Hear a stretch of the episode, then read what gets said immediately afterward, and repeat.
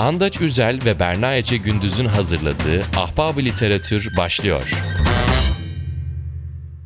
Efendim Türkiye'nin en beğenilen, en sevilen falan bayılıyorum bu giriş yapmaya. Edebiyat Podcast'ı Ahbab Literatür'ün e, bir yeni bölümündeyiz. Bu bölümde bir süre sonra yine bir konuğumuz var. Bartu Bölükbaş bizimle beraber. Hoş geldin Bartu. Hoş geldin Bartu. Hoş bulduk. Yalnız bölük başı düzelteyim. Bölük evet. başı. Wow daha da okey tamam. Evet. Özür diliyorum. Terbiyesiz Ee, andaç. Evet evet. Ee, kusura bakma. Ya askeri bir soyadını bu şekilde kullanınca hiçbir etkisi kalmıyor yani. Peki. Ee, nasılsın? Ne var ne yok Bartu? İyiyim çok teşekkür ederim. Kitap mevzularıyla uğraşıyorum hala. Kolay gelsin. Okey. Şimdi seni mesela nasıl tanıtmalıyız? Ee, ünvanını ne vermeliyiz senin burada? Ya bunu ben kendi ailem anlatırken de sorun yaşıyorum. Bunun tek bir şeyi yok ya. Şundan kaynaklanıyor. Hem illüstrasyon yapıyorum hem çizgi roman hem romanla uğraşıyorum hem de atlas yaptım. E, o son kısmı araştırmacı yazarlık olduğu için ben de artık tam tanıtamıyorum kendimi ama çok hızlı yuvarlamak gerekirse çizer diyorum. Ha çizer diyoruz. Güzel Kreatif bir diyebilirsiniz kişilik. bence. Kreatif bir kişilik. Ya bunu Her işte şey var. birisi senin için söylediğinde güzel de sen kendini "Aa, ben kreatif bir kişiliğim rrr" yaptığın zaman işte biraz şey cringe bir muhabbeti dönüşüyor ya. Yok canım. Ondan. Yok ya. Her şeyden var little little into the middle bir insanmışsın yani. Ya piyasada genelde şey oluyor. İllüstratör dediğinizde anlıyorlar tam olarak ne olduğunuzu da. Ben de o yüzden artık çok zorlamıyorum ya. Okey. illüstratör ve ya- yani şey çizer yazar yani her şey var burada. Evet. Ya biraz öyle Okey. oldu. Evet. Peki o zaman şimdi Berna'ya dönüyorum. Berna bizim Efendim? çizer bir konuğumuzun olmasının nedeninden sen birazcık bahset. Sonra Bartu'ya pas atalım. Evet. Şimdi e, öncelikle arkadaşlar biliyorsunuz ki benim böyle bir mitoloji fetişim var ve önceki bölümlerde size bunu daha e, defalarca şey yapmış olmam gerekiyor. Bak Bartu'yu da bir süredir zaten takip ediyordum ben. Ge- Gesar kitabıyla falan. Ve Bartu yakın zamanda Türk mitolojisi atlısı denilen bir şahesere imza attı. Ve biz de dedik ki wow seni hemen konuk olarak almalıyız. Bize bundan bahsetmelisin. Çünkü biz yani şahsen ben mitoloji manyağı olarak bununla ilgili güzel şeyler duymak istiyorum. Güzel şeyler e, dinlemek istiyorum. Ve bunun da birazcık en azından hem reklamını yapalım. İnsanlar da Türk mitolojisini yavaş yavaş tanısın. Çünkü şahsen ben de çok bilmiyorum Türk mitolojisini. Bartu'dan dinleyeceğiz. Okey buradan başlayacağım. Güzel bir pas oldu bu bana. Türk mitolojisini neden bilmiyoruz Bartu? Neden görece daha az biliyoruz? Bunun cevabı çok uzun ya gerçekten. Yani bir multidisipliner bir cevabı var yani bunun. Ee, başında da aslında Türkiye'deki devletin siyasi tercihleri geliyor. Yani 1950'den itibaren aslında milli eğitime kademeli bir şekilde müdahale edildiği için e, eski Türk kültürü çeşitli sebeplerden şimdi ayrıntılı girmeyeceğim. Tehlikeli bulunmuş devlet için. Devletin kendi kafasındaki makul vatandaşı üretmek için daha çok İslamcı bir söylem üstünden yaklaşım geliştirilmiş. Tarih kitaplarında bu şekilde bir hamaset inşa edilmiş. Sizin de Hı. benim de işte okuduğum literatür aslında Osmanlı Selçuklu şanlı tarihimiz fetih geleneği dikkat ederseniz. Evet. Ee, bunun yaratmak istediği bir insan tipi var. Ee, işte sorgulamayan, devlet töğüt dediğine geri çekilen, hesap sormayan, hakkını aramayan, grev yapmayan, devlet kendisine nasıl bir yaşam alanı biçerse onun içerisinde kalan, devletin ötekileştirdiği kimliklerle aynı çizgide bulunmaktan rahatsız olan ve onlara karşı hedef alan falan çeşitli çoğaltılabilir bu. Onunla ilişkili olduğunu düşünüyorum. Yani şey buna pek uygun gelmemiş. 1950'nin öncesinde mesela Türkiye'de eski Türk kültüründen beslenen laik milliyetçi hareketler var. Hı hı. Fakat anladığım kadarıyla devlet yeterince verimli bulmamış onları ve bir noktadan sonra tasfiye etmiş o söylemi olduğu gibi yerini İslamcılara bırakmış. 1980'de İslamcılar iktidar olduğu için tam anlamıyla milli eğitimden tırpanlanarak çıkarıldı eski Türk tarihi. Peki bu neyle beraber çıkarıldı? Mesela Kemalist dönemin tarih anlayışını da komple tırpanlayıp çıkardılar. Yani siyasette işte Kemalistler ve Sosyalistler tasfiye edilirken özellikle e, Kemalistler ordudan tasfiye edildiler. Mesela Erol Mütercimler gibi normalde solla pek ilişkisi olmayan birçok Kemalist atıldı mesela o dönemde TSK'dan. Hı hı. E, sokaklara, kampüslere, akademilere, iş yerlerine falan baktığınız zaman sosyalistlerin de neredeyse toplumdan tamamen tasfiye edilip işkenceden geçirildiğini bir kısmının işte Avrupa'ya kaçak olarak gitmek zorunda kalması, bir kısmının sessiz biçimde dönüşmesi kendi mücadele azmini yitirerek falan bununla ilişkili. Yani sonuçta şey var. Bir toplumsal hareket var işin içinde. Yeni bir insan tipi yaratılmaya çalışıyor devlet tarafından. Buna direnen özneler var. Bunlar tasfiye ediliyorlar ve devlet kendi eğitim anlayışını ikame ediyor Hı. eski rejimin yerine. Bu noktada Türk mitolojisini duymuyorsunuz çünkü tehlikeli görülüyor. Çünkü e, bundan haberdar olursanız, Türklerin eski kültürüne hayranlık beslerseniz İslamcı olma ihtimaliniz çok düşük. Hı hı. Yani devletin aslında temel kaygısı bu. Böyle olduğu için e, müfredattan tam anlamıyla çıkartıyor. Çıkartmakla kalmıyor, çarpıtıyor üstüne bir de. Açıkça bir yalan kurgusu hakim geçiriliyor. Hı hı. İşte eskiden bizim dinimiz Araplarınkine benziyordu da vay işte görür görmez Müslüman olduk zaten bekliyorduk gibi böyle komik, bilim dışı, saçma sapan, hiçbir işte etnolojik, arkeolojik, tarihsel temeli olmayan abuk subuk bir söylem gelmişti. E bu 50 yıl gitti. 50 yıl kimse çok ciddi sorgulamadı bunu. Fakat bugün işte internet devreye girince insanlar doğru dürüst kaynak tarayınca lan bu nasıl bir saçmalık falan dediler. Hı hı. Bir anda yıkıldı. Bir anda yıkılınca da bu sefer komik bir durum oldu. Çünkü devletin kendi bürokratik personeli dışında inanan kalmadı buna. Yani akademilerde falan filan hala bu yalanı devam ettiren küçük ufak tefek gruplar var. Kampüs tabii feodal bir yapı gibi tamamen izole edildiği için hayatın geri kalan alanında sanki orada kendilerini çok güçlü hissediyorlar ama dışarıdan çok acınası ve komik görünüyor. Durum bu. Ben şey soracağım ya şimdi e, dedin ya dinden girdin hani Hı hı. e, Türk mitolojisindeki inanış biçimiyle İslamiyet'teki o farklılığı yani nereden aslında yakalayabiliriz? Çünkü Türklerin bizim bildiğimiz genel olarak şey vardı işte şamanizme işte yani biraz daha paganistik böyle şeylere inanır tarzında. Hani Türk mitolojisindeki yapı aslında tam olarak nasıl? Diğer mitolojilere ne kadar benziyor? Hani bunlardan biraz bahseder misin? E, tabii tabii çok güzel bir soru bu aslında. Çünkü bunu yapısal al- anlamda bana soran çok olmuyor. Türk mitolojisi atlasının ilk girişinde ben e, okur daha kapsamlı bir şekilde anlayabilsin diye ta en baştaki o mitoloji ağacından girdim. Normalde Joseph Campbell mesela çok güzel sınıflandırmıştır bunu. Evet. Temelde Doğu ve Batı mitolojileri olarak ikiye ayırmak gerekiyor. İkisi de Homo sapienslerin soyutlamalara dayanıyor aslında. Fakat e, tam sebebini bilmediğimiz bir tarihte iki ayrı yapı ayrışmaya başlıyor. Bunların farklı temsilcileri var. Mesela Batı mitolojisi genellikle mit- mitoloji deyince hatta din deyince aklınıza gelen ilk yapı. Yani Sümerlerle başlayan Mısır'da, işte Zerdüştlük'te, İran'da, Hristiyanlıkta, İslam'da hatta geç dönemde etkisini gö- gördüğümüz bir kozmolojik yapı var. Hı hı. Burada şöyle bir çerçeve çiziliyor. Hı hı. Bir tanrı veya tanrılar var.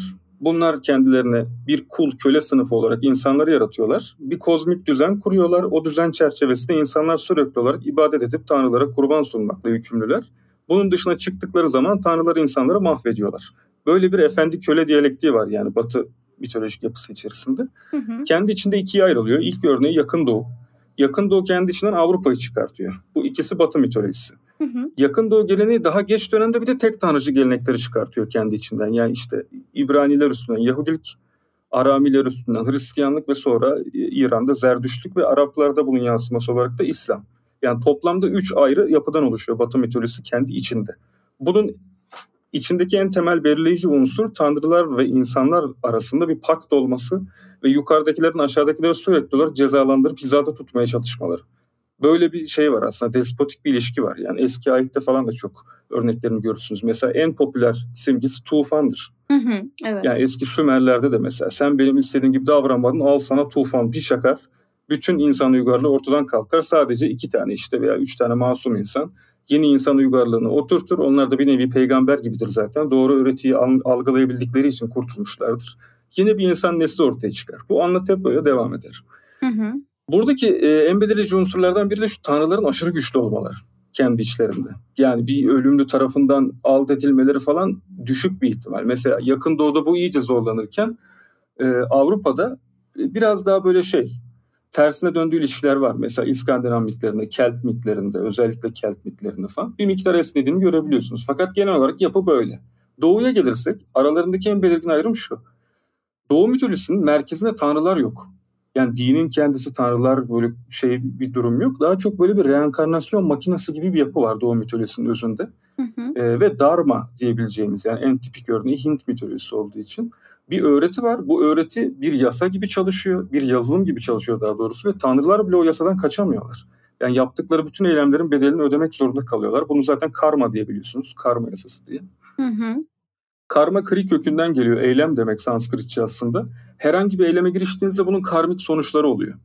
Ve Doğu mitolojisinin en tip, tipik özelliği reenkarnasyon olduğu için işte atıyorum tanrılar yarın insan olarak doğabiliyorlar. İnsanlar ertesi gün hayvan olarak doğabiliyorlar. Altı varoluş biçim var aslında. İşte devalar yani tanrılar, Asuralar, yarı tanrılar veya öfkeli tanrılar gibi algılayabilirsiniz bunu. Onlar tanrıların kuzenleri gibi daha çok.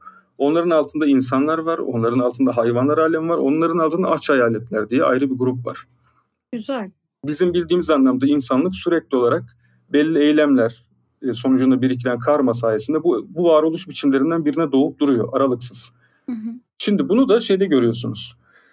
Ee, genel tabii yapı itibariyle en ufak ayrıntılarına kadar değil ama e, Hinduizm, Budizm, Taoizm, büyük oranda Türk şamanizmi daha geç dönemlerde ve şey Japon Shinto inancı en temel olarak bunlardı. Tabii buna Sibirya dinlerini de ekleyebilirsiniz. Bir miktar Kızılderili mitolojisinin de işte bazı unsurlarını buraya ekleyebilirsiniz.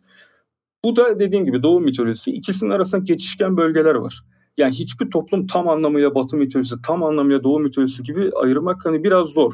Mesela en temel oturan yapılardan biri Zerdüştlük. Zerdüştlük baştan aşağı Batı mitolojisi. Her şeyiyle yani. İçinde Doğulu neredeyse hiçbir unsur kalmamış.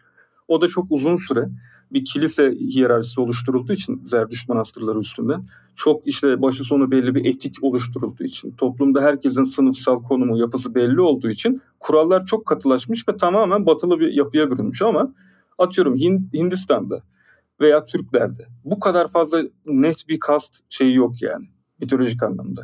Mesela Türklerin tanrıları arasındaki ilişkiler Batı mitolojisine benzerken evrenin arka plandaki anlatı yapısı bütün efsanelerin altındaki o şey e, mitolojik yapı daha çok Doğu mitolojisini andırıyor. Bayağı ortaya karışık yani bizim Evet. mitolojimiz. Biraz öyle. O da şeyden kaynaklanıyor. Bu sadece bizde değil bu da. Ruslarda da böyle. Hmm. Ee, Hint mitosunda da böyle dediğim gibi. Japonlarda da kısmen bir miktar. Hı hı. Ama biz ve Ruslar gerçekten çok şeyiz bu konuda ya. Yani neredeyse yarı yarıya gibi. Ben şeyi sormak istiyorum. Şimdi mesela bir tufandan bahsettin, bir de karmadan bahsettin. Şimdi tufan mesela genel olarak bütün mitolojilerde hemen hemen. Hatta e, bunun için çok böyle şey olabilirim, e, linç yiyebilirim ama Hristiyan mitolojisinde de Tabii. e, şey yapılan bir şey ve her mitolojide rastlanan bir şey olduğu için tufan mesela çok e, nasıl diyeyim default bir şey aslında. Bizim mitolojimizde tufan gibi böyle bir sıfırlama hikayesi var mı? Bu ilk sorum. İkinciye sonra geçeceğim. Hı hı. Aslında böyle şey söyleyeyim sana. Mitolojik motiflerin kimden geldiğini anlamak çok zor. Hı. Yani Türk mitolojisinde bir tufan miti var. Fakat büyük oranda o Hristiyanlık aracılığıyla gelmiş gibi görünüyor. Veya şey Budizm'deki yine e, şey Kali Yuga bölümündeki Hı hı. yani e, şeyin aklıma gelmedi ya. Bhagavad Gita değil de Puranalarında galiba bir kısmında Kali Yuga var. Evrenin sonunu getiren özel bir anlatı biçimi var. Neredeyse ilk anlatı kökeni 1500 yıl önceye gidiyor milattan. Yani çok çok eski. Ragnarok gibi bir şey mi peki? Tabii tabii Ragnarok falan Okey, çok geç kalıyor. okey. Ragnarok 3000 Anladım. yıl sonra neredeyse. Anladım. Ama şey e, bu arada şey Ragnarok anlatısı 1300'lerde Snorri Sturluson tarafından kayıt altına alınan bir şey. Yani ilk baştaki Cermen mitlerinde Ragnarok diye bir şey biz rastlamıyoruz Yok. bile. Hı hı. Fakat bu bahsettiğim bayağı bir eski. Yani Zerdüştlükten ve Hristiyanlıktan da önce Hint mitolojisinde Kali Yuga diye evrenin sonunu getiren ve bunun ateşle ve suyla geldiği bir anlatı var. Hı. Şimdi orada da bir tufan anlatısı var. Orada da dünyaya meteorlar, ateşler yağıyor falan. Demonlar etrafı istila ediyor bilmem ne. Bayağı benzer. E, bu, bu tip anlatı ortak ama aralarındaki şey şu. Mesela toplumun kendi psikolojik yapısından, kahramanların tanrılarla arasındaki ilişkilerden bir anlatının dışarıdan mı geldiği yoksa içeriden mi geliştiğini net bir şekilde anlayabiliyorsunuz. Hı. Mesela Türklerden bir örnek vereyim o konuda. Türkler genellikle mitolojik motifleri hep ormanla ilişkili olan bir toplum. Sanılanın aksine bozkırlı değiller mitolojik anlamda yani fiziksel olarak farklı olsa da. E bu etno, etnosun oluştuğu yer Sibirya ormanları olduğu için e hep geyiklerin, ana tanrıça figürlerinin belli kutsal bitkilerin ön planda olduğu, insanların büyük oranda ağaçlardan ve mantarlardan türediği bir mitoloji bizimki. Ya bu mantarı da çok bilmezler mesela ağacı falan bilirlerdi. Evet. Mesela Uygur anlatılarında bunların kanlarından biri mantardan çıkıyor. Vay be. Ben ilk defa böyle bir şey gördüm Türklerde. Başka bir mantardan doğum efsanesi görmemiştim. Onun dışında e, Türklerin baş tanrı ko- konsepti olan Ülgen ve Umay, eril ve dişil olan tanrılar. Hı hı. Onlar e, şey kayın ağacı formunda dünyaya iniyorlar ve ilk insanlar onların bünyesinden çıkıyor. Aa. Mesela Uygur anlatılarında da iki ağacın içinden çıkan çocuklar mitinde onu görebilirsiniz. Türklerin aslında orijinal türeyiş destanları ağaçtan türeme. Çünkü 10 bin yıllık bir Sibirya taygası şeyi var. Bilinci var heriflerin bilinç altında. Arketip olarak yaşamaya devam ediyor. O bozkıra inse bile o ağacın kutsal anlamlar yüklemeye devam ediyorlar. Mesela yine Uygurların arasında ağaç akrabalığı diye bir şey var ya. Vay be. İnsanlar mesela aynı soydan gelen insanların aynı ağaçtan türedikleri düşünülüyor ve bir tane ağaç parçası bulunduruyorlar soydan gelenler. Veya size bir şey söyleyeyim. Hı. Ağaç ve insan arasındaki özdeşliğe şaşıracaksınız Türkçe'de. Yaşlanmak tabiri nereden geliyor? Ağaçların gövdesinde oluşan halkalardan aslında. Biz bunu şu an hala Vay. kullanıyoruz değil mi? Bakın bu bu bilgiyi her yerde Ya, bulamazsınız. Hadi ya. bakalım. Bir şey söyleyeceğim. Bartu e, çok araya giriyorum ama Tabii, e, tabii. gerçekten masterclass gibi bir bölüm oluyor bu arada. Biz Evet, başlangıç seviye olur diye planlarken masterclass'a dönüştü. Bir Müthiş şey de değil oldu mi? bu arada. Ben çok memnunum. Benim Kesinlikle, cahilliğimi kesinlikle. şu anda gideriyor yani Bartu. kesinlikle. ya şu estağfurullah kesinlikle. sözcüğüne Türkçe bir alternatif bulalım ben de kullanayım. Evet ya. Evet bu ben de bunu çok istiyorum gerçekten. Estağfurullah. Bu kadar uzun böyle hani 19. yüzyıl esnafı gibi görünmeyince bu sözü söylemiyorum ama o sizin güzelliğiniz falan diyorum uzatarak böyle o sizin bilginiz falan. Ee, şey demeye çalıştım yani bazı motiflerin dışarıdan gelip gelmediğini anlama yöntemi olarak diye. Aha. Şimdi bu anlattığım şey Türklerin psikolojik temelini gösteriyor. Ağaçtan türeme mevzusu. Çünkü yaşadıkları, doğdukları coğrafya bu ve anlatılarında binlerce yıl devam ediyor. Fakat 19. yüzyılda bir bakıyorsunuz Türkler arasında çamurdan yaratılma motifi gelmiş. Şimdi bu mantıklı değil. Bu belli ki Hristiyanlık aracılığıyla Ruslar aracılığıyla Sibirya'ya yayılmış bir motif. Hı hı. Türklerin kendi yaşadıkları alanda böyle bir kil, toprakla ilişkilenme durumu yok. Yok. E, hiçbir anlatıda olmadığı için ve çok geç dönemde ortaya çıktığı için buna alternatif bir sürü türeyiş anlatısı var fakat bu yok aralarında. Dolayısıyla bunun ithal olduğunu anlayabiliyoruz. Bu şekilde anlıyoruz yani motifin yerli mi yoksa şey mi olduğunu. Yoksa aslında çok zordur. Mesela İran'da görülen bir motif Türklere geçtiyse hani oradan geçip geçmediğini anlamak da gerçekten çok zor. Normalde hep şöyle bakarlardı eski tarih anlatısında. E, bir şey yerli toplumdan göçebe topluma geçtiyse tamam kesin onlar üretmiştir bunu. Ya böyle bir şey yok. Sonradan ortaya çıktı. Mesela 8. yüzyıl İran'ında Sasani İmparatorluğu'nda Zerdüşt Manastırı'nın en başındaki insan yani baş rahip Kerdir var. Yani Zerdüştlük Zerdüştlük yapan adam herif. Taki Bostan'da falan adamın kendi yazıtları var Zerdüştlük hakkında. Sonra şöyle bir ayrıntı çıktı herifin hakkında. Meğerse adam Sibirya tipi kara büyüler yapıyormuş. Aa, Ya bayağı göçebe göçebe Hunlardan ve Türklerden öğrendi büyük ihtimal bunu.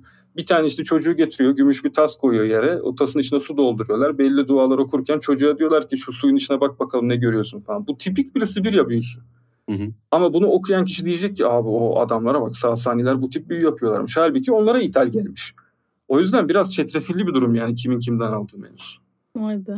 Peki e, şeyi merak ediyorum. Şimdi ilk soruya da birazcık paralel olacak ama e, şu anki bizim yaşayış tarzımıza baktığımız zaman daha böyle evet e, yaşam tarzını da birazcık İslami anlayışın da biçimsel e, bi- bi- biçimleştirdiği bir noktadayız ya. Peki mesela Türk mitolojisinde e, buna karşıt gelen bir şeyler olmalı ki biz bu mitolojiden uzaklaştırılıyoruz. Orada birazcık daha detay verebilir misin? Ee, yani hani Türk mitolojisi ne noktada istenilenden farklı imaj çiziyordu? Belki yaşam e, Hmm, yaşam düzeni anlamında, belki e, toplumsal normlar anlamında farklı bir imaj çiziyordu da e, bu mitoloji birazcık daha e, geri plana çekildi. Şöyle söyleyeyim, e, Türk mitolojisini ortaya çıkaran toplumun zeminine bakmak lazım önce. Ben her zaman söylüyorum, bunu genelde anlaşılmıyor bu. Toplumların mitoloji mitolojik yapıları onların üretim altyapılarıyla ilişkili. Hı hı. Yani biraz daha böyle Marksist bir analiz gibi olacak ama e, altyapı üst yapıyı belirliyor böyle konularda. Yani üretim ilişkileriniz, devlet yapınız, sınıflar arası ilişkiler neyse tanrılar arasında ona benzer bir ilişki doğuyor. Mesela antik Yunan'a baktığınızda oligarşik kent devletleri görüyorsunuz. Bir grup oligark var. Bunlar istedikleri gibi ipini koparmış, istediği şeyleri yapıyorlar. Birbirleriyle mücadele ediyorlar falan. Tanrıları da o minvalde tanrılar oluyor. Gerçekten Hı hı. sitenin efendileri gibi. Birbirleriyle mücadele ediyorlar. Birbirlerinin karılarını ayartmaya çalışıyorlar. İşte tuzaklar kuruyorlar. Birbirlerinin işte karlarına göz dikiyorlar. işletmelerine çöküyorlar falan. Böyle anlatılar var sürekli. Türklerdeki durum şu açıdan farklı. Eski Türkler konfederal ve federal boylar teşkilatı şeklinde yaşıyorlar. Dolayısıyla hem askeri hem yarı demokratik bir rejim içerisindeler. Herkesin asker olabildiği, kadınlar ve erkeklerin yan yana savaştığı, toplumun omurgasının Alp Teşkilatı diye bildiğimiz profesyonel savaşçı birliklerin oluşturduğu, e, Sparta modeline benzeyen, antik Yunan'daki Spartalılara benzeyen aşırı şey askeri bir yapı oluşturuyor. Fakat şöyle bir durum var. Bu yapı e, atıyorum Zerdüştlükteki e, İran Şahlığı gibi veya İslam'ın halifeliği gibi aşırı despotik, yönetenlerin çok güçlü olduğu, bütün kuralları onların aldığı, halkın hiçbir sorgulama hakkı bulmadığı, işte yönetenin egemenliğini Tanrı'dan aldığı falan doğrudan yani. Bu şekilde bir yapı değil. O yüzden o demokratiklikten haz etmiyorlar her şeyden önce. Yani Türk mitolojisi her zaman şunu çağrıştırıyor. Kadınlarla erkeklerin yan yana bulunduğu, toplumun yarı demokratik olduğu, kanunların sorgulanabildiği hatta düşürülebildiği. Yani kurultay toplanırsa, Kaan saçmalarsa mesela 2-3 defa savaş kaybederse üstüne bir de apır sapır konuşuyorsa herifi indirirler. Yani çocuğuna bile bırakamaz tahtı. Bu kadar sert yani. Düşünsenize. Ya kendi çocuğuna adam tahtı bırakamıyor. Kurultayın onaylaması gerekiyor. Kurultay derse ki ya bu herif geri zekalı. Bu adam yönetmeye kadir değil. Bu herif boş işlerle uğraşıyor. Başka birini getiriyorlar aynı hanedandan. Ama şöyle bir durum da var tabii. Türklerin devlet anlayışına göre kanunlar tanrı, tanrılardan kut alıyorlar. Kut böyle Hı hı. majik bir güç gibi. Yani doğrudan tanrıların kendi güçleriyle onların bedenlerinde tecelli ettikleri, bedenlerinde ortaya çıktıkları bir güç gibi. Ve eğer e, Kaan kaybetmeye başlarsa Tanrı'nın onun bedeninden çekildiği düşünülüyor. O yüzden başka birini getiriyorlar oraya. Dolayısıyla çok karizmatik bir bakış açısı var Türklerde yönetime dair. Ee, sürekli yalpalayan, başarısız birinin iktidarda durması mümkün değil. Fakat İslam devletlerinde ya adam ruh hastası da olabilir. Tamam mı? İktidarda durmaya devam eder. İşte defalarca kaybedebilir de işte imparatorluğun toprak kaybetme şampiyonu olabilir de kendi ülkesini sömürgeye çevirebilir. Fakat o İslami literatürde e, zıllullah fil arzdır. Yani Allah'ın yeryüzündeki gölgesidir. Kimse onu sorgulayamaz. Onun yönetim haklarını sorgulayamaz. Dolayısıyla benim gördüğüm e, 1950 sonrasında yani iktidarın CHP'den Demokrat Parti'ye geçmesinden sonra Türkiye'de İslamcı bir hattın inşa edilmesi devletin yönetme gücünü arttırmak için yaptığı bir şey. O yüzden e, kendi yönetme erkini zayıflatacak hiçbir görüşün yayılmasını istemiyor. Yani toplumdan atıyorum sosyal demokrat, sol, sosyalist görüşleri silerken bir taraftan da eğitimde kendisine hani bu, bu tip anlamda olumsuz referans oluşturacak eski Türk anlatılarını da siliyor. Onlar da çünkü çok daha sorgulayıcı, çok daha demokratik yapılar. Ben böyle bir bağlantı kuruyorum aralarında yani. Bir Ama şey şunu diyeyim mi? söyleyeyim. Çok iyiymiş bizim kültürümüz, şeyimiz, mitolojimiz ya. Bir örnek vereceğim şimdi sen seviyeyi göreceksin. Heh.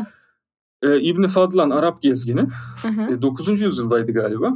Türk ülkelerine gidiyor. Aslında en batıda böyle işbirlikçi bir Türk topluluğu var. Onlar Müslüman e, olmaya çalışıyorlar. Yani zaten biz Müslümanlara biat etmişler. Gelin bize dini öğretin diyorlar. Arap yanlısı bir topluluk. İbn Fadlan bunların yanına gidiyor. Oradan diğer Türkler var Müslüman olmayan. Onların arasında dolaşmaya başlıyor falan. Şeye kadar gidiyor. Ukrayna steplerine kadar. Orada Vikinglerle falan görüşüyor. Hatta 13. Savaşçı filmi daha çok onun bir parodisi gibi bir şeydi. İbn Fadlan'ın yolculuğunu Vikinglerin arasında. Orada mesela İbn Fadlan çok enteresan şeylerden bahsediyor. Şimdi bizim literatürümüzde hep bunu vay işte İbn Fadlan yalan söyledi, abarttı bilmem ne diye söylerler. Orada şunu görüyorsunuz. Kadınlar ve erkekler arasında inanılmaz bir, ya bugüne kıyasla inanılmaz bir eşitlik algısı var. Tabii ki bu hukuki feminizm gibi bir şey kastetmiyorum ama seviye şu. Bu Alp Teşkilatı dedim ya erkekler ve kadınlar Hı hı. beraber eğitiliyorlar. Onların sistemi şöyle. Hı hı. Çocukluktan itibaren birbirlerine zimmetlenen küçük gruplar var. 8-12 kişilik falan. Bunu MLS'in e, Türk kozmolojisine giriş kitabında çok güzel anlatır. Bunlar komünel yaşıyorlar. Her şeylerini paylaşıyorlar. Kendi içlerinde aynı şekilde evleniyorlar. Kan kardeşliği var heriflerin arasında. Her türlü silah kullanmayı biliyorlar. Dini eğitim alıyorlar. Tanrılar ve ritüeller üstüne aynı zamanda. Hı hı. Tam Vikings'te gördüğünüz yapı yani aslında. Ve şey İbn Fadlan bunlardan şey diye bahsediyor bir yerde. Bunlar ırmağa beraber çırılçıplak giriyorlar diyor erkek kız ve zina etmeden hani orada eğlenip geri çıkıp devam edebiliyorlar diyor hayatlarına. Herif inanamıyor yani kamusal alanda erkekle kadının çıplak olarak var olması ve herhangi bir sorun yaşanmamasına inanamıyor herif. Ya şimdi mesela- şimdi oturdu taşlar yerine neden mı? İslamiyet'le Evet. uzak oldu. Evet şimdi oturdu. Ya bu şey tabii şimdi kadına biçilen bir rol var ya eve Hı hı. ot kapan çocuk yap aralıksız eşine evet. biat et bilmem ne. Şimdi sen bu anlatıları eski Türk kültürünü getirdiğin zaman onu yıkıyorsun zaten. Yani kadının özgürleşme ihtimali çok ciddi anlamda güçleniyor eğer bunlarla ilişkilenirse.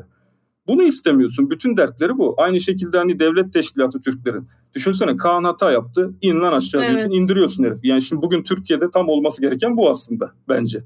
Biz Ama- Sevgili dinleyici ben almam gereken cevabı aldım. Umarım siz de almışsınızdır. Aklınızın bir yerinde bulunsun. ben ben şu an Türk mitolojisine, Türk kültürüne karşı olan aşkım yani böyle depişti şey bayrak sallandıracağım birazdan balkonda. Peki Bartu e, bu tüm bunlara olan ilgi nerede başladı? Hı, evet. Ya bu da abi zor bir soru gerçekten. Şöyle söyleyeyim. Ya benim babam şey 6-7 dil bilen bir herif. Nöroloji profesörüm. O zaten Oy, evi oy, oy, çok ciddi kütüphaneye çevirmişti. Ben doğmadan önce de. Hı hı. Yani bayağı da şey bir adamdır yani atıyorum. Ya adam e, Arami arkeolojisi falan okur ya. Yani İsa'nın varlığına dair arkeolojik veriler falan okuyor herif tamam mı? Veya ne bileyim 12. yüzyıl, 13. yüzyıl bu Grimoire'ları var ya kara büyü kitapları bilmem ne. Onlarla falan ilgilenir adam. Yani merakı acayip yüksek bir adamdır.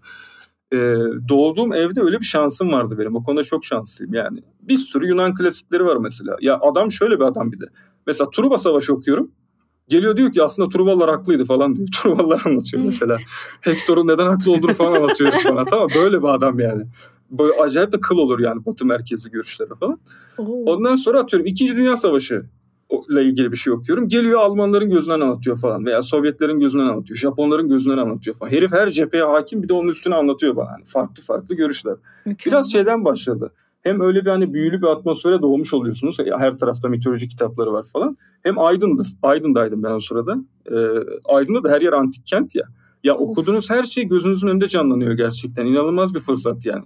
Ya düşünsenize o e, Alman şeylerin, filologların derlediği ilk antik Yunan masallarının çoğu hep Batı Anadolu kıyısında geçer. Yunanistan'ın kendi bölgesinde değil yani. Atina'da Hı hı, işte. Sparta'da, Tesalya'da evet. falan değil. Miletos'ta geçer çoğu. Efes'te Evet, geçer mesela. Evet. Ya kitaptan kafanızı kaldırıp sola doğru bakıyorsunuz antik kent orada. Ya orada gerçekleşmiş bu. Ya orada mesela Pan'ı görmüşler. Pan'ın bulunduğu orman orada falan. Ya Çok bu kıskandım bir seni şey. şu an ya. O şey o kadar kıskandım ki. ya ama dışarıdan şimdi ben sana böyle anlatıyorum da o dönemde bu şekilde yaşamadım tabii ben buna. Müthiş bir sıkıntı, sıkıl o kadar Evet. sıkılıyorsun ki sıkılmaktan sıkılıyorsun falan. Arkadaş yok, deli gibi sıcak, eğitim hayatım rezalet zaten. Ee, öyle bir durumda işte kendini biraz gerçeklikten Hı. koparmaya çalışıyorsun. Bugün de bunu yapıyoruz ya aslında. Hı. Yani kafanı pencereden çıkar şu ülkenin haline bak diyorsun Sevim. Tabii ki mitolojiyle uğraşacağım ben ya. Yani kaçacak yer arıyorsun sürekli. Doğru. Escapism olmuş senin için. Ama yani, Yani. çok kaliteli bir escapism olmuş. Evet kesinlikle. E çünkü kesinlikle. geri döndüm ya sonunda. Yani oradan aldığım referansa geri dönüp başka bir şey yapmaya çalıştım. Ondan böyle oldu. Dikkat ederseniz bak hep güncel siyasi örneklerle ben hı, mitolojik hı hı, Çünkü dediğim gibi mitolojinin bir alan olarak ortaya çıkması Avrupa'da da e, Türkiye'de de başka alanlarda hep siyasi amaçlarla ortaya çıkan bir şey. Anladım. 19. yüzyıl muhtemelen bana bunu soracaktınız bu arada. Şimdiden cevabını vereyim. Güzel Ee, temiz oldu. Evet. Evet. 19. yüzyılda ilk defa şey aslında Katolik kilisesinin prestijini sarsmak için kullanmaya başlıyorlar mitolojik yapıları. Ee, bir taraftan işte Fransız devrimi, İngiliz devrimi, işte bütün kıta Avrupa sallanıyor devrimci hareketlerle falan. Napolyon geliyor dümdüz ediyor. Rusya'ya kadar götürüyor bütün şey, modernist hareketleri. Hı hı. Daha sonrasında tabii Napolyon'un yenilgisiyle beraber devrimcilerde bir hayal kırıklığı oluyor. Yani o döneme kadar aslında çok akılcı, birçoğu işte ateist ve deist olan devrimciler yenilginin yıpratmasıyla biraz dinselleşiyorlar. Fakat Katolikliğe dönecek durumda da değiller. Nefret ediyorlar çünkü. E bu sefer ne yapıyorlar? Oturup herkes kendi atalarının mirasını araştırmaya başlıyor. Mesela İngiltere ve Fransa'da keltomanya hareketi çıkıyor. Kelp manyaklığı diye geçiyor bu. Aslında hiçbir şey bilinmeyen, yani haklarında o dönemde hatta özellikle neredeyse hiçbir şey olmayan Keltlerin işte sağda solda mabetlerini bulmaya başlıyorlar. Aslında onlar mabet olup olmadığı bile tartışmalı mesela. Fakat üstüne deli gibi yazıyorlar, çiziyorlar. Arthur Rackham gibi ressamlar çıkıyor falan ortaya. Almanya'da işte Richard Wagner çıkıyor. Oo. Wagner de çok enteresan bir figür. Çünkü gençliğinde Komünist Parti üyesi Wagner. Hı hı. Polisle falan çatışıyor herif. Ve nefret ediyor Hristiyanlıktan da Alman devletinden de falan. Fakat daha sonra şey yapıyor işte. Bu Cermen operaları aracılığıyla hani Alman mitolojisini yeniden inşa etmeye başlıyor ve en büyük prestijini o vermiştir mesela Alman mitolojisine. Daha sonra tabii parayı seven Wagner yavaş yavaş yavaş yavaş imparatorun bir numaralı adam oluyor. Ben zaten Hristiyandım ha baştan beri falan demeye başlıyor ama o kısım artık bir şey. Yani var ya bizim bizim ülkede de böyle satışlar vardır biliyorsunuz. Aynen. Hayatını hani sol türkülere adayıp son 10 yılda işte reisçi olan bazı abilerimiz falan var. Tabii. Onun bir benzeri yani. Ee, diğer bölgelerde de böyle İtalya'da da böyle atıyorum şey e, Rusya'da özellikle çok çok çetin geçiyor bu mevzu. Genellikle zaten bir şey Avrupa'da hareketlenirse Rusya'da patlar. Bu bir kuraldır. Oradan da bize gelir. Böyle bir üçgen var yani. Şöyle oluyor. Zoryan Dolega Chodakovsky diye bir şey var. Ee, Rus arkeolog ve etnolog diyeyim adam. Adam çıkıyor diyor ki lanet olsun lan bu Hristiyanlar diyor. Bizi bitiren şey bu aslında. Yani bizim Rus Çarlığı olarak bu kadar geri kalmış olmamız, bu kadar berbat bir hale gelmemiz bu dinden çıkmamız lazım. Ne yapacağız? Eski Slav anlatılarını bir araya getiriyor. Buradan Slav paganizmini diriltelim diyor. Yeni bir din yaratalım. Bütün halk kitlelerine bunu yayalım. Lanet olsun lan bu işe diyor herif. Ondan sonra Reform şey, hareketini çok mu yanlış anlamış bunlar? Bunlar reformun yapamayacak durumda olduklarından reformun da üstüne atlamaya çalışıyorlar aslında. Ha. Hı. Ee, çünkü o protestan yapıyla falan Rusya hı. içerisinde yeniden üretecek halleri yok. Rusya'da çok hiyerarşik, çok ağır ortaçağ kalıntısı bir Ortodoks kilisesi var. Ekümenik hı. bir de bu yani evrensel bir iddiaya sahip. Ukrayna gibi şey gibi değil yani. E, onunla mücadele etmek oldukça zor. Hı hı. Burada daha çok şey var.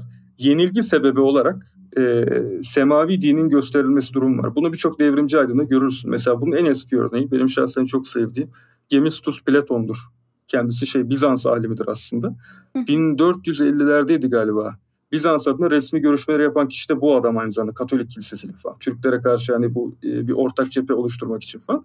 Yalnız herif kendisi Bizans'ın bak bir numaralı dünyada hani e, Hristiyan e, teokrasisine göre yönetilen devlet diplomat olmasına rağmen adamın kendisi şey Yunan işte paganizmini yeniden diriltip bütün gücümüzü Mora Yarımadası'na çekelim artık hani imparatorluğu kurtarmak mümkün değil.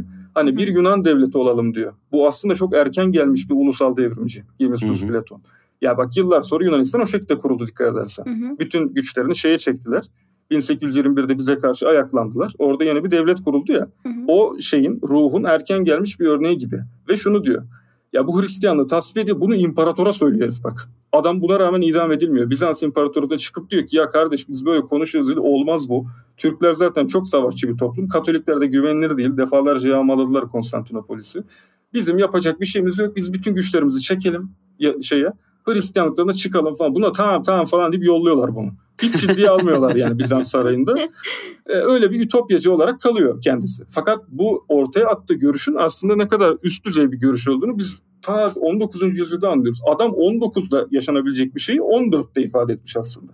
500 yıl önce. Şimdi bütün ulus devletlerde bu temeli görürsünüz. Bizimkinde de var. Atatürk mesela. Hı hı. Yani cebinden doğrudan finanse etti adam Türk mitolojisini. Eğer Hı hı. biz bugün bir Türk mitolojisi araştırmasından bahsedebiliyorsak, ben bugün bu kitabı ortaya çıkarabildiysem tamamen Atatürk sayesindedir bunlar. Atam. Doğru bir noktada şey de var. Mesela dil açısından baktığın zaman da öyle bir durum var ya. Benim ismim de mesela o dönemde yapılan işte TDK'nın yaptığı o araştırmalarla falan sözlüğe giren bir kelimeymiş mesela. Ee, öyle olduğunu öğrenmiştim yani. Hem dil hem de tarih açısından müthiş, e, mitoloji açısından da müthiş e, şeye girmiş aslında yani. Hani en derinine kadar araştırtmış mükemmel bir refleks bu. Ben layık atak geçiriyorum şu anda. Atam be. Yani şöyle düşün. İttihat Terakki zamanında başlıyor aslında ilk merak. Yani Tanzimat'la beraber şey algısı var paşalarda. Mesela Büyük Reşit Paşa mıydı? Hangi paşanın yazdığını hatırlamıyorum. Ahmet Cevdet Paşa da olabilir. Ya biz aslında Türkmüşüz gibi bir algı görüyorsunuz. Fakat hiçbir şey bilmiyorlar Türkler hakkında. Yani o dönemde tabii doğru dürüst çeviri şeyleri falan yeni başlamış. Hı hı. İttihat Terakki'ye geldiğinizde özellikle Abdülhamit'in o ilk modern okulları kurmasının ardından Fransa'ya yollanan öğrenciler tanışıyorlar bununla. Mesela ne okuyorlar? Dögünye'yi okuyorlar. Dögünye'nin Hunlar, Moğollar ve şey Türklerin ataları diye bir kitabı vardı galiba. Hepsinin başucu kitabı bu. Enver Paşa'nın, Atatürk'ün, işte ne bileyim Cemal Paşa'nın, Talat Paşa'nın falan. Hepsi haberdar bunlardan. İlk defa onlar bu heyecanı yaşıyorlar. Lan biz Türkmüşüz, başka bir şeymiş bu. Ve Orta Asya'da bunun farklı bir uygarlığı varmış. Biz bundan haberdar değiliz. Yeniden bilince çıkaralım bunu diyor. Hı hı. İttihatçıların bu konudaki hamleleri şeyde e, Birinci Dünya Savaşı boyunca da devam ediyor. Mesela o konuda şey çok güzel bir kitaptır. E, eski ADD Başkanı Zafer Toprak'ın Türkiye'de Popülizm 1908-23 diye bir kitabı var. Burada popülizmi olumlu anlamda kullanıyor bu arada. Yani halkçılık, ulusçuluk anlamında. Hı hı. Orada şeyi görüyorsunuz. İddiaçılar toplumu tepeden tırnağa örgütlemişler. Mesela Altın Ordu diye bir ta- futbol takımı var değil mi? İzmir galiba. Hı. Altay. Bunlar o dönemde kurulan yapılar. Hep böyle şey Türkik adları var. Hani Orta Asya'ya şeye yönelik. İşte izci teşkilatları kuruyorlar. Çocukları falan alıyorlar. Onların hepsinin ünvanları eski Türkçe. Bu şekilde hani tepeden tırnağa bir Türkleştirme fonksiyonu var. E tabii çok şey olaylar da var. E, yani emperyalizmin doğrudan bölgede kaşıdığı etnik savaşlar, dini savaşlar falan çok kanlı bir dönem yaşadık. Birinci Dünya Savaşı ve sonrasında. Fakat Kemalist devrim bütün bir atılımları hani tek bir noktaya mızrak ucu gibi yönlendirdi ve patlattı bence çok büyük bir anlamda. E tabii şöyle oldu. Sağ olsunlar Kırım'daki Tatar araştırmacılar, Volga boyundaki Tatarlar falan Türkiye'nin bu hani Türk kimliğini pekiştirme, oturtma, bunun üstüne eser üretme şeyini çok olumlu etkilediler. İşte kim var? İsmail Gasparalı var bunlardan. İşte Zeki Velidi Togan var. Normalde zıt görüşlerde olduğum birisidir ama e, çok değerli bir araştırmacıdır yani. E, bunlar bu anlamda çok büyük eserler verdiler. Mesela o dönemde hiç daha sonraki e, bu İslamcı çarpıtmalardaki gibi bir aşağılık kompleksi olmadığını görüyorsunuz. Mesela Abdülkadir İnan var. Emel Esin var o dönemde çok iyi eserler veren. İkisi de Türklerin gayet çok tanrıcı bir yapılar olduğunu, şamanist bir toplumlar olduğunu, bunun işte merkezi şamanların bulunduğunu, işte Orta Doğu dinlerine görece uzak bir dinsel yapıları olduğunu falan söylemekten çekinmiyorlar. Çünkü zaten şey e, Kemalist rejimin o aydınlanmacılığı, halk aydınlanması, topluma yukarıdan aşağı bir Türk ulus kimliği e, hazırlıyor olması bunun için gerekli cesareti vermiş. Fakat 1950'den itibaren çok ani bir dönüş görüyorsunuz. Ya o kadar da olmasın. Hani o kadar da Türk olmasak mı acaba? Biraz da şöyle Araplıkla hani bir temasımız devam mı etse falan gibi bir e, şey görüyorsunuz. Kaygı çekince görüyorsunuz ki bu aynı zamanda siyaseten Atatürk'ün ölümünden sonra türbelerin yeniden açılması, Şeyh Said'in e, torununun milletvekili yapılmasıyla aynı döneme denk geliyor. Yani Türkiye'nin NATO'ya girmesi, işte komünizmle mücadele derneklerinin kurulması özellikle bu çok önemli. Komünizmle mücadele derneklerine kimler çıktı? Fethullah Gülen çıktı mesela. Daha sonra Turgut şey Turgut Özal çıktı. Süleyman Demirel çıktı. Yani bir dönemin Türkiye'yi hızla İslamcılaştıran adamları 1980'e kadar hepsi bu yapılardan çıktılar. Ya yani burada bir ortaklık var. Bunu demeye çalışıyorum. Peki ben bir şey sormak istiyorum. Şimdi e, mitolojinin biraz da şeyini çok merak ediyorum Türk mitolojisinde. Yani Yunan'la, İskandinav'la ya da Mısır'la ben biraz daha bu hani çok popüler olanlarla ilgili olduğum için hani Türk mitolojisindeki ortak noktayı onlarla şey çözmeye çalışıyorum. Şimdi mesela Türk mitolojisinde şey dedin Ülgen'le Umay dedin. Evet. Normalde bahsettiğim mitolojilerde yani en azından Yunan ve İskandinav'da tek bir mesela patriark figür, bir baba figürü vardır. İşte Odin'dir, Zeus'tur. Hep bir başta biri olur. Ve e, onun bir şekilde e, nasıl diyeyim yönettiği gruplar vardır. Onlar en tepededir. Hiyerarşi o şekildedir. Evet. Mesela bu Ülgen'le Umay e, tamamen eşit mi ya da nasıl diyeyim böyle bir Olimposlular gibi Türk mitolojisinde de böyle bir grup mitolojisinde var mı? Hani tam olarak nasıl bir hiyerarşileri var onu çok merak ediyorum. Şöyle söyleyeyim size bu genellikle çok fazla üstünde hani sorgulanan fakat hep yanlış cevaplar verilen veya cevap verilmeyen bir konu. Öncelikle şunu söylemek lazım. Mitolojik pantona taksonomi uygulamak yani baştan aşağı sınıflandırmak. Bu bundan çıktı, bu bundan çıktı, bunun kuzeni, bu bunun amcaoğlu falan diye sınıflandırmak daha çok yazılı kültürlere has olan bir çerçeve. Hı. Mesela bu bahsettiğin kesinlik Slavlarda da yok, Keltlerde de yok. Hı hı. Bu sadece Yunanlılarda var, evet. e, Babillilerde var ve Hintlilerde var. Fakat hı hı. Hintlilerde bile Yunanlıların aksine yazmışlar yazmışlar bir, bir noktadan sonra artık yazılı kaynaklar birbirinden ayrılmaya başlamış. Yani bu, bu sefer burada da bir aşırı yazma kültürü var. Yani Hindistan'ın hmm. kuzey kısmı ayrı yazmış, güney kısmı ayrı yazmış mesela. Kalküta'daki soy ağacı tanrıların kuzeydeki şeyden, Brahmana Putra'dan farklı. Ee, o yüzden şey, yazılı kültür ne kadar gelişkinse ayrımlar o kadar fazla oluyor. Şimdi Türklerin, Keltlerin, Slavların hatta e, erken dönem Japonların bu kadar geniş bir yazılı kültürleri olmadığı için bu kadar ayrıştırmıyorlar birbirinden. Hı hı. Öyle söyleyeyim. Yani temel konseptleri yan yana görüyorsun. Böyle söyleyebilirim. Onun dışında Türklerde şöyle, şunu net bir şekilde görebiliyorum. Mesela Atlas'ta da onu analiz ettim, ayrıştırdım. Hı hı. Türklerdeki problem Keltlere biraz benziyor. Çünkü çok yayılmışlar. Mesela Keltler bugün bizim bildiğimiz İrlanda'dan Anadolu'daki Galatya'ya kadar, Ankara'ya, Eskişehir'e kadar geldi adamlar. Ve her gittikleri yerde, bunu biliyor muydunuz bu arada Galatların buraya kadar geldiğini? Yok. Ya, yok. Şöyle söyleyeyim size Niğde'den Amasya'ya kadar Kelt toprağıydı normalde. Bayağı Galyalılar yaşıyordu burada Roma döneminde. Vay. Hatta Galatasaray'ın Galata lafı da oradan geliyor. Ee, bildiğim kadarıyla şey bira fıçısını falan da Anadolu'ya getirenler onlar. Hatta bazı tezlere göre o doğru mu bilmiyorum da Kangal köpeğinin de onlar tarafından getirildiği düşünülüyor. Buraya. Nerelere gidiyoruz? Ee? Baya baya enteresan bir durum var. Galatya mesela şey aynı zamanda ilk Hristiyan olan toplum. Ee, Galatyalılara mektup diye İncil'in sonunda bir bölüm vardır mesela Pavlus'un yazdığı. O aslında Ankara, Eskişehir, Kütahya arasındaki Galatlara yazıyor Keltlere. Mesela 6. yüzyılda kadar Anadolu'da Keltçe konuşulmaya devam ediyor. Böyle Vay garip be. muhabbetler var. Bak şöyle söyleyeyim size. Galya'da Keltçe bitiyor. Anadolu'da konuşulmaya devam ediyor. Böyle bir şey olabilir mi ya? Ya bu be. enteresan bir durum. Neyse şeye geri döneyim. Şimdi Keltler de çok yayıldıkları için onların panteonunda da çok net bir şey göremiyorsunuz. Mesela Hı. ben şöyle yazılar görüyorum. İşte Keltlerde tanrılar belli, Türklerde değil. Neymiş o belli olan? Mesela burada Tutatis diyor. Ya Tutatis Keltçe kabilenin tanrısı demek. Bu özel bir ad bile değil. Hı. Mesela. Hı hı. İşte Hı-hı. bazı tanrılar Keltlerin sadece 13. yüzyılda kayıt altına alınmış. Biz erken dönemde bunlar var mıydı yok muydu bilmiyoruz. Fakat yok demek çok saçma olur değil mi? Ya 13. Evet. yüzyıl İrlanda'sında var e, erken kayıtları görünmüyor. Demek ki yok. Hayır demek ki kayıt altına alınmamış. Bu evet. kadar basit ya. Türklerde de şöyle bir durum var.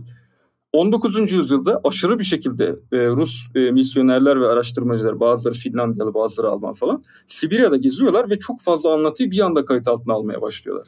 Bu sefer bizim tarih öncesi devirlerde çok fazla rastlamadığımız bir sürü tanrı, iye ve anlatı ortaya çıkıyor. Şimdi bizim akademimizde de özellikle tarihçiler arasında böyle bir yöntem problemi var. Onlar da diyorlar ki aa bak bu erken dönemde yok demek ki sonradan gelmiş. Hayır kayıt altına alınmamış sadece. Bu topluluklar daha izole kalmışlar taygada. kendi aralarında bunları anlatıp durmuşlar. Yazılı bir kültürleri olmadığı için de çok geç kayıt altına alınmış. Bana sorarsanız. Benim fikrim bu. Hı hı. E, ama temelde şunu söyleyebilirim. E, astrolojik yaklaşımla gitmek lazım. Bütün mitolojilerde aslında tanrıların denk düştüğü arketipler ve gezegenler vardır. Yani yarısı astroloji, yarısı analitik Hı hı. psikoloji bu işin. Evet. Mesela nedir bunlar? İh- bilge ihtiyar figürüdür. Ana tanrıça figürüdür. Düzenbaz figürüdür. Kozmik çocuk veya kahraman diyebildiğimiz arketiptir. Bunların tamamını Türk mitolojisini izleyebiliyorsunuz. İlk Pantheon'da üç tanrı neslini net bir şekilde görebiliyoruz mesela. Ee, Göktürklerde bu şey Kök Tengri ve Umay diye geçiyor ama daha geç hı. dönemde işte 18. yüzyıldaki Sibirya anlatılarındaki çok zengin bu anlamda onların tamamını görebiliyorsunuz. İşte Ülgen, Umay, Kızagan, Erlikan, Erlikan'ın çocukları, Ülgen'in çocukları, Umay'ın soyundan gelen diğerleri, Umay'ın farklı yansımaları var Ayzıtlar ve Bayanaylar gibi falan. Ya aşırı derecede hani genişleyip derinleştiğini görüyorsunuz bu anlamda. Dolayısıyla aslında tam tersine taksonomiye uygun olmasa dahi kendi içine çok köklü ve çok derinlere inen bir yapısı var Türk Pantheon'un. Tabii. Süper. Şimdi iki tane sorum var. Peş peşe sormayacağım ama e, yavaş yavaş nihayete erdirirken soracağım iki tane şey var. Birincisi ben mitolojiyi e, Bartu şey olarak çok seviyorum. Böyle arada çok aralıklarla böyle bir yerlerden duydum. Örneğin Berna ile bir şey konuşurken Berna'nın bana söylediği ufak hikayeler olarak çok seviyorum mitolojiyi. E, bunlardan böyle Türk mitolojisine özel vereceğin iki üç tane tatlı örnek var mı? Belki meraklarını daha da uyandıracak. Belki böyle e, aa neymiş ya falan deyip e, daha böyle bir bilgisayarın başına geçip kitap karıştırmaya falan başlamalarını sağlayacak ufak tatlı örnekler. Aslında en böyle bütünlüklü örnekleri ben Atlas'a çizerek yerleştirdim. Baştan sona bir de edit, edite ettim yani onları daha akıcı olması açısından. Şöyle söyleyeyim normalde bizi, bize hiç anlatılmayan ve başı sonu çok belli birkaç tane var. Kögüdey Mergen anlatısı var mesela. Kögüdey. Mergen inanılmaz ya. Yani kahramanın işte şey yer altına inişi, yaratıklarla savaşması, tanrılarla savaşması, Erlikan'ı öldürmesi falan. Buradan bak Türk mitolojisi tanrıların ölümlü olduğunu da anlıyorsun. Yani ölüyorlar bir noktadan sonra yeniden doğuyorlar ama ölüyorlar. Öldürebiliyorsun yani. Ee, daha sonrasında işte hayat ağacını ele geçirmeye çalışan yeraltı ordusu, onların püskürten tanrılar ve iyeler falan. inanılmaz bir anlatı yani. Kögüdey Mergen'i incelesinler derim. Bir de aynı şekilde aynı anlatı çizgisini takip eden Huban Arığı var. Huban Arığı kadın bir savaşçı. Hı hı. Ee, bir kadın alp olarak hani kahraman olarak görüyorsun hikayenin anlatısında. Hı hı. Yine o da aynı. Yani büyük oranda hep şey İskandinav mitolojisinde de böyledir ya. Yani devlerle ve Evet. şeylerle kavga ederler. Hı hı, Sürekli. Asgard'ı korurlar. İşte Evet. düzenbaz figürü çıkar. Etraftaki işleyişi bozar. Onu cezalandırıp hani tekrar işleri eski haline döndürürler. Türk mitolojisinde tamamen aynısını görüyorsunuz. Aynı anlatı. Genel olarak şöyle oluyor. Hayat ağacının yanında yaşayan bir kahraman tip oluyor. Bir tane düzenbaz figürü çıkıyor. Bu Erlik olabilir. Erlik'in kumandanlarından biri olur- olabilir. Yeraltı ordusunun komutanlarından. Hı hı. Ee, demonik kadın figürleri olabilir. Doğrudan işte kahramanın aklını çelmeye çalışan böyle süper seksi tipler falan. Hı hı. Ee, bunların işte şey belli bir zarar verdiği, düzeni bozduğu ve bunlara tekrar cezalandırdıkları örnekler oluyor. Ben şey derim ama Huban Arı olabilir, Kögüdey Mergen olabilir, Maday Kara Destanı. Maday Hmm. Kara olarak geçiyor. Maday Evet. Mükemmeldir mesela. Kesinlikle bulun okuyun derim onu. Ama onun ötesinde Türk mitolojisi şey gibi değil bak. Bizim en büyük sorunumuz şu. Şimdi ben Atlas'ı yaparken de başlıca amaçlarından biri buydu.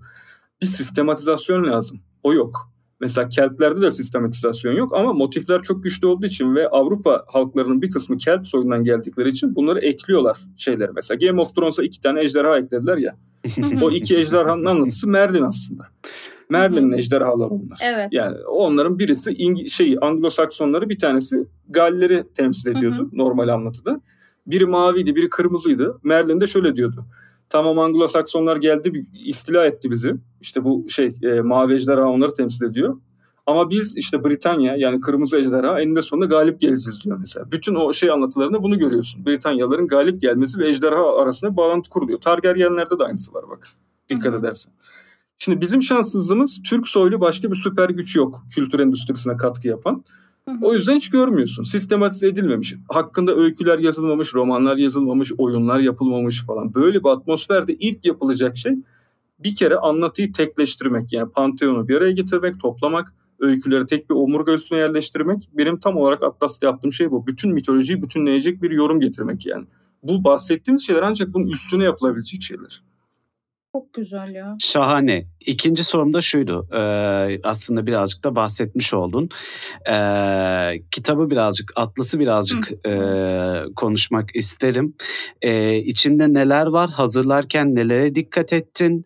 Ee, ve nasıl bir şey ortaya çıktı nihayetinde? Ee, burada birazcık belki e, Atlas'a dair merakı da perçinleyecek bir şeyler olabilir. Evet yani şöyle ben mesela ilk ve en çok kaçındığım şey kendi siyasi görüşüm açısından da bunun e, Türkiye'de bir takım şovenist kesimlerin mastürbasyon malzemesi olmaması için oldukça çaba sarf ettim. Çünkü bu tam tersine Türk mitolojisini daha doğmadan öldürecek bir yaklaşım. Yani uluslararası alanda takdir edilmesini engelleyecek bir yaklaşım. Bu arkadaşlar sanıyor ki yani Naziler sayesinde atıyorum Alman mitolojisi popüler oldu falan. Hayır hı. arkadaşlar Marvel sayesinde oldu mesela. Biz bunu beğenmesek de bugün içine etse de bence Thor filmleriyle Marvel e, şeyin İskandinav mitolojisinin genel olarak böyle oldu. E, ben şeye dikkat ettim daha çok abi. Genelden özele doğru gittim. Yani öncelikle Hı hı. bir mitoloji nedir? Mitoloji neye dayanır? Kaç çeşit Hı hı. mitoloji tipi vardır? İşte Doğu ve Batı mitolojileri. Bu arada bunlar içerikler dizin kısmında da doğrudan var. Hı hı. Oradan işte şey Batı mitolojisinin genel bir özet- özeti, Doğu mitolojisinin genel bir özeti, Türk mitolojisinin bu iki yapı arasında nereye oturdu? Onun üstünden Türk mitolojik evreninin yapısı öncelikle. Yani ta en bazdan evrenin nasıl oluştuğuna dair. Yani kozmik partiküllerden itibaren aldığım bir yapı var. Orada işte bir şey var. Türklerde bir diyalektik kavrayış var. Yaruk kararık diye geçiyor bu. Yani e, Taoizm gibi evrenin aydınlık ve karanlık güçlerin mücadelesi ve bütünlüğü olarak algılayan bir yapı var. İlk başta oradan başladım. Çünkü bütün anlatılarda o zihniyeti göreceksiniz. Türk mitolojisinde mesela bu Arap anlatısından işte Yahudi veya İran anlatısından ayıran şey doğayı birbiriyle çatışan iyi kötü güçler olarak görmemesi.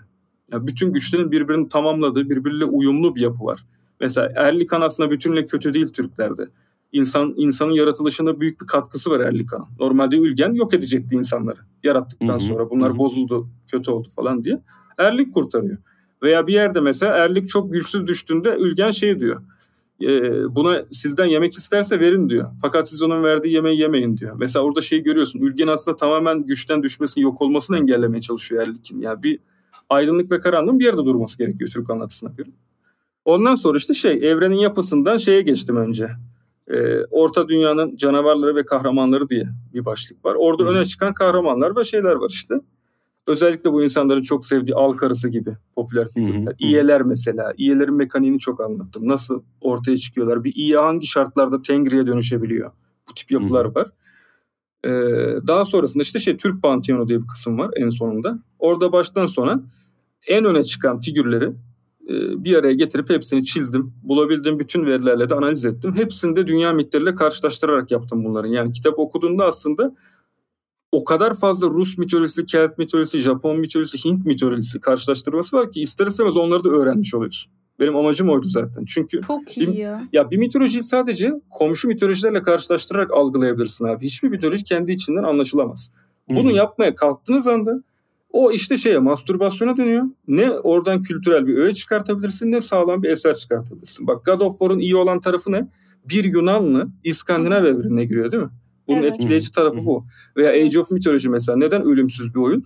Üç ayrı panteonu eşit şekilde yansıttıkları için bir İskandinav, bir Yunan, bir de şey Mısır panteonu vardı. Sen Aynen. karşılaştırmalı seçip görebiliyordun. Yani onların birbirlerine entegre olduklarını görüyordun. Dolayısıyla Hı hı. şey bu aslında her türlü şoven yaklaşımın ötesine geçmeyi mecbur bırakan bir şey mitolojiyi anlamak bizim açımızdan. Çünkü Türk mitolojisinde bir kere olağanüstü bir Budist etki var. Ben her gittiğim yerde bunu anlatıyorum yani. Bütün kaynaklarla da ortaya koyuyorum. Hatta laf bile yiyeceğim oradan. Çünkü Atlas'ta ciddi bir şekilde Budizm'de anlattım giriş kısmında. Yani bir kere onu öğrenmeden Türk mitolojisini asla öğrenemezler. Çünkü yapılarını atıyorum yeraltı dünyasını olduğu gibi aslında Budizm oluşturuyor Türklerde. Bu tip bir yapıyı anlamadan kavramak mümkün değil. Erlikan'ı kavramak da mümkün değil mesela. Ülgen atıyorum e, son dönemdeki birçok anlatıda aynı zamanda Budizmin koruyucusu olarak geçiyor. Mesela Hı. az önce bahsettim ya Kögüdey Mergen diye bir kahraman var. Yer altına iniyor işte Erlik'i öldürüyor falan diye. Hı hı. O herife mesela e, yedi lama bir araya geliyorlar özel bir majik güç veriyorlar. Onun sayesinde öldürüyor. Yedi lama nedir Wow. abi? Bildiğin şey Budist lamalı o. Tibet lamaları yani bahsedilen kişiler. Onlar Hint mitolojisinden geçen motifler. O yüzden şey motif bazı analizi düzgün yapabilmek için Türk mitolojisinde hiç olmazsa Budizmi öğrenmek gerekiyor yani. Bu tip bir şey. E, multidisipliner ve karşılaştırmalı bir şekilde ele aldım öyle söyleyeyim. Çok iyi. Şahane. Berna soracak sorun kaldı mı? Vallahi kalmadı. Bartu o kadar güzel anlattı ki bütün sorularımı zaten tek potada eritti. Harika. Öyleyse mutlu olacağım çünkü ben de böyle çok mu acaba parça küçük anlattım oradan oraya sıçradım diye düşünüyorum ama. Yo yo Yok, hiç yok. hiç aksine aksine. Şimdi ben bölümü kapatırken bölümü nasıl bulduğumu ufaktan şey yapmış olacağım. Hanımlar beyler Ahbab Literatür'ün eee, bir bölümünün sonuna geliyoruz. Biz eee, Türk mitolojisi konuşalım eee, heyecanıyla yola çıkıp mitoloji masterclass'ı almış olduk hep beraber. Evet.